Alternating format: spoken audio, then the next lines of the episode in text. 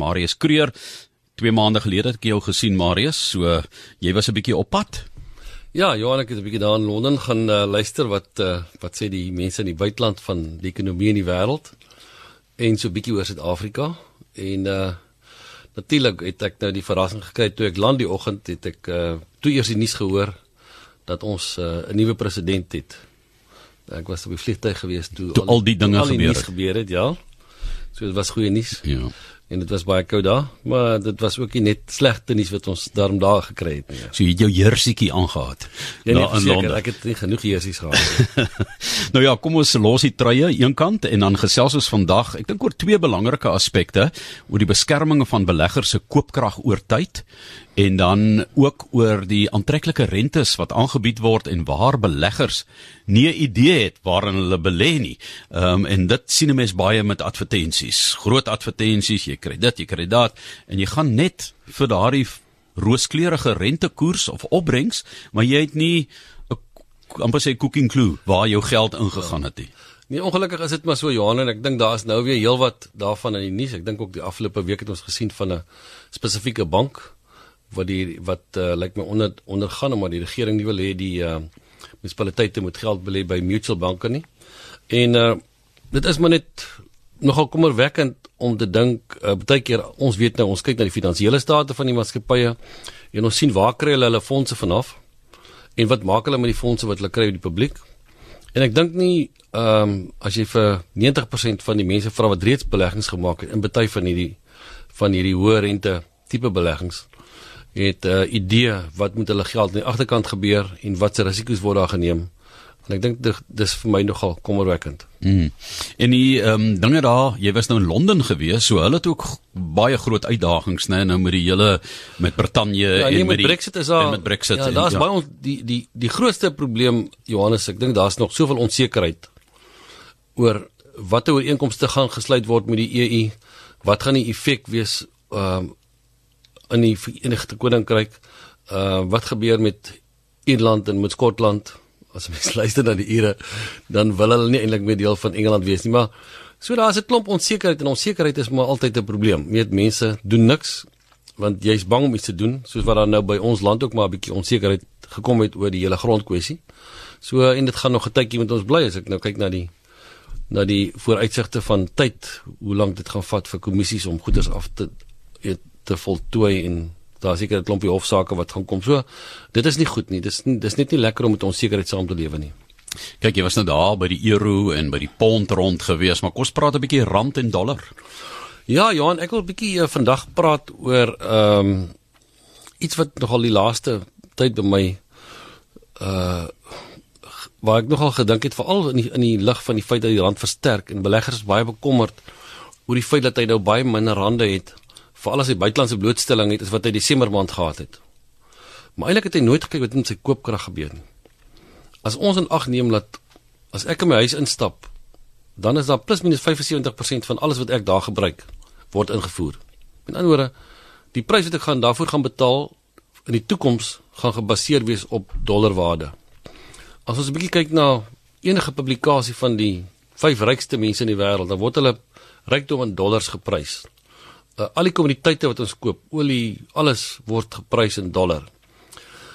So as 'n mens regtig die koopwaarde van jou kapitaal wil beskerm of van jou belegging, dan moet jy tog dit meet in dollar terme.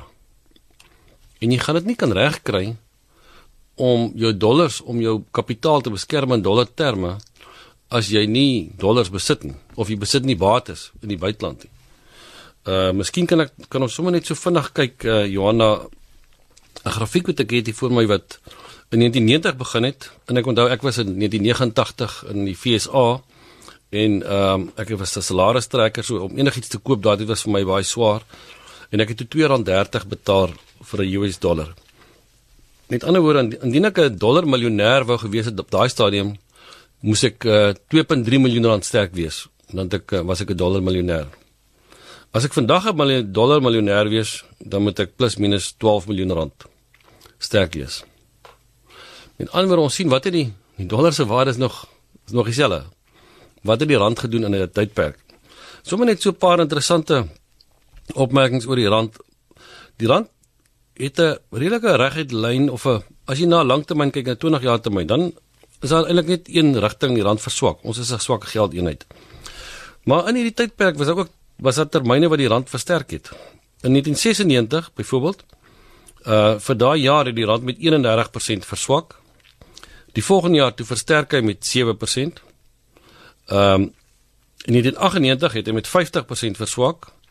1998 ehm um, tweede gedeelte van 98 tot 2001 het hy met 17% versterk. Van 2001 tot 2004 het hy met 145% verswak.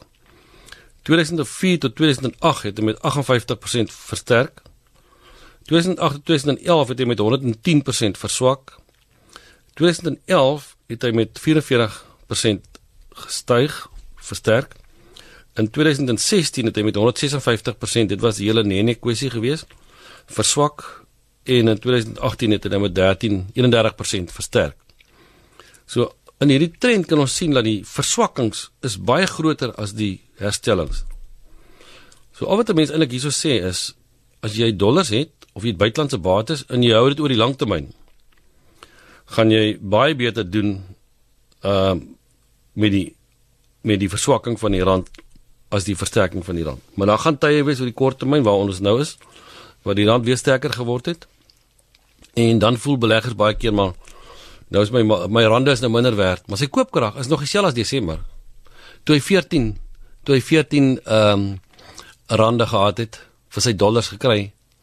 Nou kry nou kry net 12, maar hy het nog dieselfde hoeveelheid dollars. En dis belangrik, maar die persoon wat nie dollars het nie wat in hierdie proses is waar die rand heeltyd verswak en meer verswak as wat hy elke keer versterk.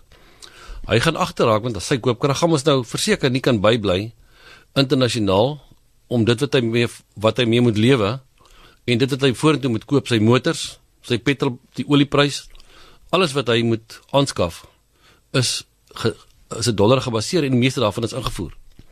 So daar's nie 'n manier hoe jy as jy net rande besit en al jou bates in Suid-Afrika regtig jou koopkrag internasionaal kan beskerm nie.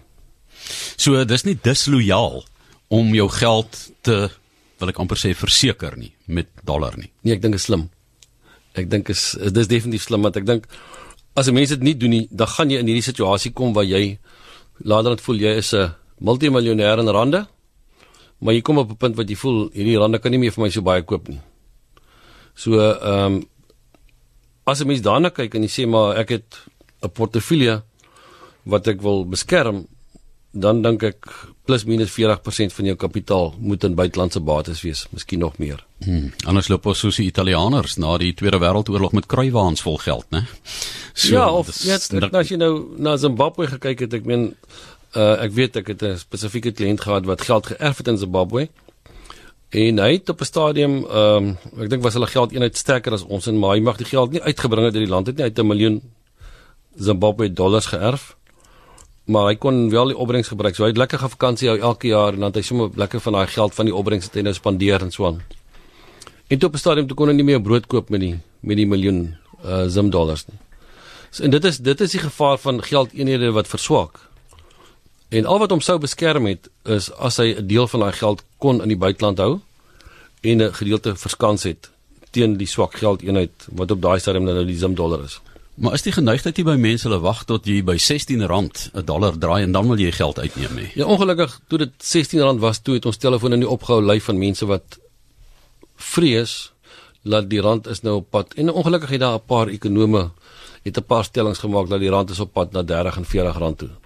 Wat mense natuurlik nou vir die deur laat hardloop het en almal wou geld op daai stadium uitvat. Nou as die rand R11.50 is, dan dink almal nee, hy's weer op pad 9 toe. Ons gaan nie nou ons gaan nie nou al uitvat. Ons wag tot hy 9 is. Maar ons dink op hierdie vlak is dit die ideale tyd om geld uit die buiteland uit te vat. Ehm um, ek was ook laasweek maandag en dinsdag by 'n beleggersforum in die Kaap. Maar ons het twee dae ook 'n bietjie geluister na fondsbestuurders, hulle sieninge van plaaslike mark van aandele, effekte ensovoorts, eiendom. En daar was redelike konsensus dat die rand is te sterk op hierdie vlakke. Ehm um, omdat ons uitvoerders kry swaar. Uh mense wat uitvoer is nie nou baie kompeterend nie. Ehm um, ons sit met 'n redelike groei situasie in ons ekonomie wat baie swak is en ons inflasie is redelik laag. Die nuutste syfer het redelik laag uitgekom. So daar's 'n goeie kans ek dink dat ons dalk hierdie maand nog 'n rentekoersverlaging kry en dalk nog rentekoersverlaging kan kry. Dit maak dit minder aantreklik vir die buitelanders om ons effekte te koop en dit gaan ook verder druk op die rand plaas.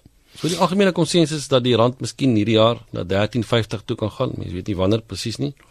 Maar dit is die konsensus gewees van die van die fondsbestuurders wat daar was wat sekere ehm um, kom ons sê van die topfondsbestuurders in die land seker goeie 60-70% uitgemaak het. Jy met jou somme maak op so 13 13.50.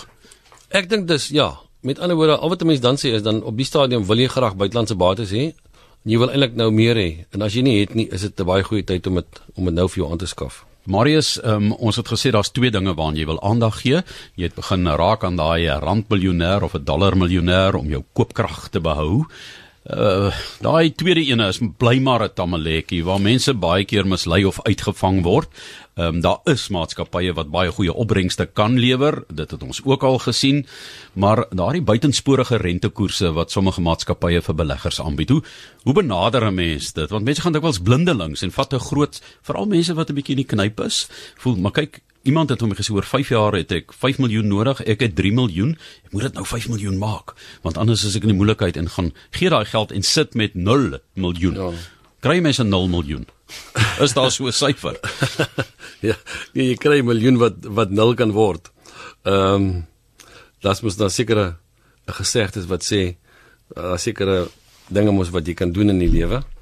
Uh sekere tipe boerdery miskien of sekere tipe uh, besighede wat jy kan begin met die ou sê maar hy hoe het hy sy miljoen gemaak? Hy sê nee maar hy het met 3 miljoen begin. Ja. Net so sit jy met 'n miljoen. ja.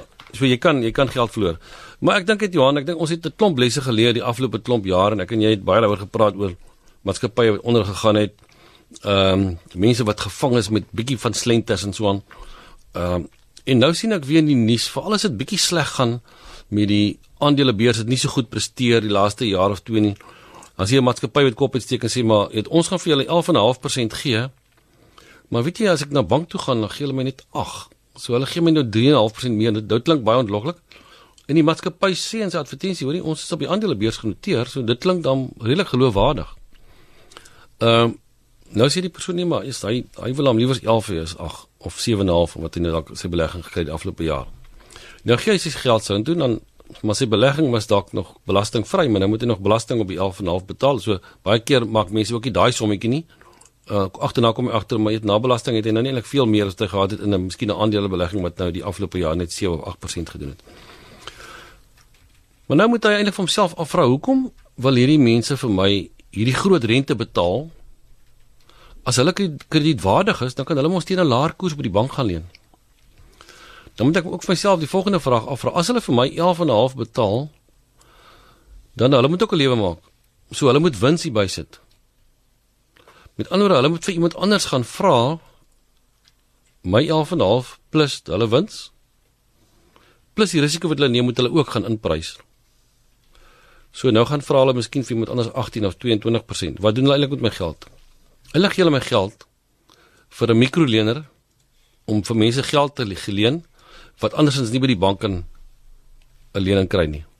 Met ander woorde, en ek sê dit is nie verkeerd nie, mense moet gehelp word, maar daai persoon se risiko is mos nou hoër as wat ek normaalweg met my geld sou geneem het.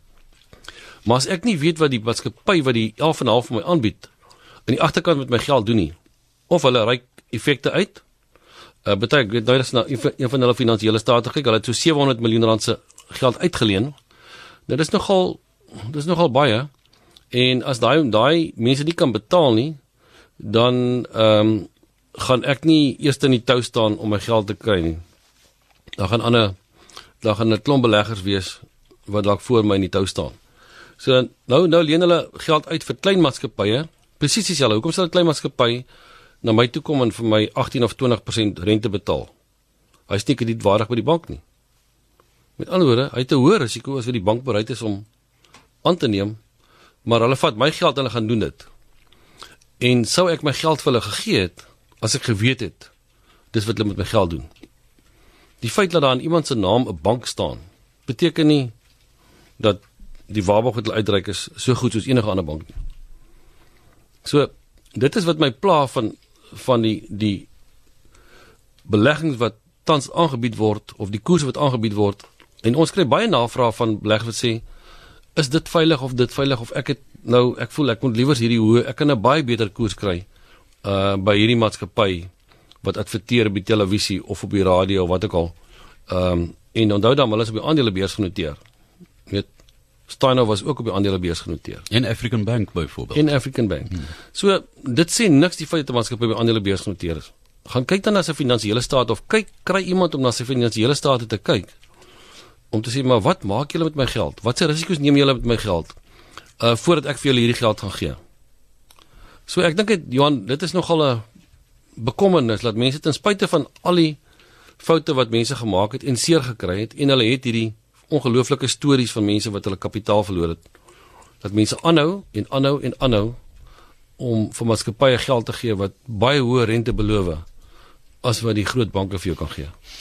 Belangrik om die vrae te vra wanneer jy dit sien om te gaan kyk agter die kap van die ja. bil te kom nê. Met ander woorde as 'n maatskappy vir jou net 'n uh, advertensie plaas en sê hoorie ons waarborg vir jou soveel of baie keer hoor jy ons betaal tot 11%. Mas nie 11 nie. Dit beteken as jy jou geld herbelê elke keer, dan kan dit dalk 11 raak, maar dit is eintlik 9,8. Maar dit dit dit ou dis ja. nie, dis nie heeltemal 11 nie. Dis maar hoe Leonardo trek om die gesprek te kry. Maar ek meen as jy as jy dan nou so iets kry, gaan doen net 'n bietjie huiswerk of gaan vra net 'n bietjie uh gee vir my 'n bietjie 'n prospektus of julle nie se finansiële state uh een van die maatskappye ons het so 2 2 3 jaar is 2 of 3 jaar terug gekyk toe hulle het, hulle het vir die hele jaar 2 miljoen wins gemaak. Nou ek wil nie my, my geld by iemand belê wat net wat so naby aan 'n verlies is om net 2 miljoen wins te maak in die hele maatskappy nie. So maar beleggers sien dit nie of hulle vra dit nie. En hulle weet ek weet eintlik glad nie. Hulle al wat hulle sien is hulle sien hierdie 11.4 of 11.5 of 12 of wat ook al en hulle sien net maar ja, dit is 'n goeie koers. Uh en hierdie ouens is dan op die radio of is hulle by TV. Uh so hulle moet seker okay wees. Daar is 'n nuwe golf van optimisme met sekere ehm um, dinge in die land wat gebeur en so en is stadig besig om ook in die ekonomie want ek kom maar geweldige uitdagings wat ons het in ons land. Toe jy nou daar geland het, ehm um, was daar al klare optimisme bes, te bespeer in Londen toe jy met mense gepraat het oor toekomstige ja, beleggings? Ja, nee, Johan, ek het toe ek hier geland het, het ek dit gehoor. Nie daar nie. Daar het ons nou nog bespiegel gaan ons 'n nuwe president hê as ons terugkom of wat gaan. Maar wat vir my ongelooflik verblydend was is toe ek instap by die lughawe en ek gaan deur douane toe is daar polisie wat mense se goed ondersoek en hulle dit dit net verlyk of almal agtergekom het maar hoorie ons nuwe baas ons beter nou begine werk. Weet dit het my oral en ek, en ek hoor dit heeltyd by mense is dat hulle sien net mense se gesindhede het verander. Ehm um, ek praat met 'n sakeman in George sê vir my weet jy wat? As die president my vra om nog 8 mense van ander kleure aan te stel sal ek dit doen net ter wille van die gesindheid om hierdie land te maak werk So as mense se gesindheid verander, dan verander baie goed. Ehm um, en so 'n bietjie oor die vrees, Johannes mos nou baie vrees in die land. Oor mense grond, oor jou tweede eiendom, as jy leer erf het wat dalk leeg staan as jy bang hulle gaan omvat. Uh iemand het vrees geïdentifiseer as om prentjies te vorm wat jy nie wil hê wat moet gebeur nie. En 80% van die goed waaroor mense vrees en bekommer gebeur nie. So ek dink dit mense moenie heeltemal ek hoor ek kry tot boodskappe van van die FSA van my vriende wat daar bly en kliënte wat sê wat gaan aan in Suid-Afrika? Ek sien hulle vat grond oral. So weet mense ooreageer op sosiale media en hulle maak eintlik die wêreld bang. En ek sien nie mense moet nie reageer nie maar ek dink mense ooreageer baie oor hierdie goed. Voor hulle genoeg inligting het begin hulle op 'n pad hardloop om hulle prentjies te vorm van dit wat hulle nie wil hê moet gebeur nie. En hulle begin dit sommer begin dit sommer adverteer. En ek dink dit is verkeerd. Ja mense raak angstig Ja, en dit skep weer so in die begin gesê 'n klomp onsekerheid.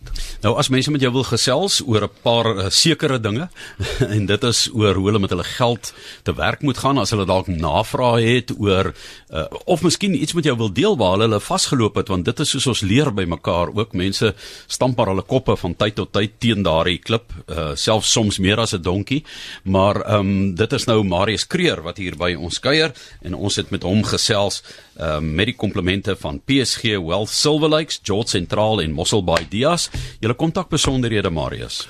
Uh Johan, hulle kan vir my kontak. Ehm um, op die nasionale nommer 086 1348 190 of hulle kan vir my e-pos stuur marius.kreer@psg.co.za. Ek is net uh eers donderdag op kantoor, ek is nog môre ook in die Kaap, maar ek het daarom 'n uh, iets by my wat my e-posse vir my wys so ek gaan so vinnig as moontlik begin antwoord soos wat ek dit kry mense moet net 'n bietjie geduldig wees. Ja, ek het nou so na ou e-pos waar ons gekommunikeer het, toe kom daar onderaan op. Ons kantoor sal gesluit wees van 12:00 op 22 Desember 2017 en weer 2 Januarie 2018 heropen. Dit het intussen heropen, maar geld slaap nie. Geld hou nie vakansie nie? Ja, dis die dis die wonderlike ding van uh om bates te hê wat uh wat gekoppel is aan rentes en aan aan wins en dividende. Uh daar's altyd besig om iets te gebeur met jou geld. Uh dis hoekom jy dit nie moet toesluit in die trommel nie. Net weer julle kontak besonderhede. 0861 348 190 is ons telefoonnommer en my e-pos marius.kreer by psg.co.za.